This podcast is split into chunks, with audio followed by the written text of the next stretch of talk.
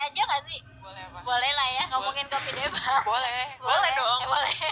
kayak kopi deba kan podcast kita Hmm. nggak ada pelanggaran apa-apa kalau kita nyebut Iya kopi juga debak sih, kopi iya. debak kopi debak kopi debak oke teman-teman jadi seperti yang udah kita ketahui bareng-bareng bahwa temanya ini kan berkarya nah berkarya itu punya arti Kalau misalkan kita bisa berkarya dari mana aja dan juga dalam keadaan apa aja.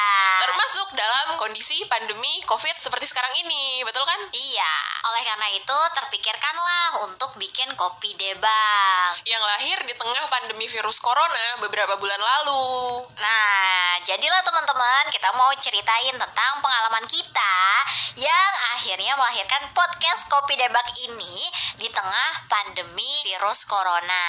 ya jadi kopi debak itu teman-teman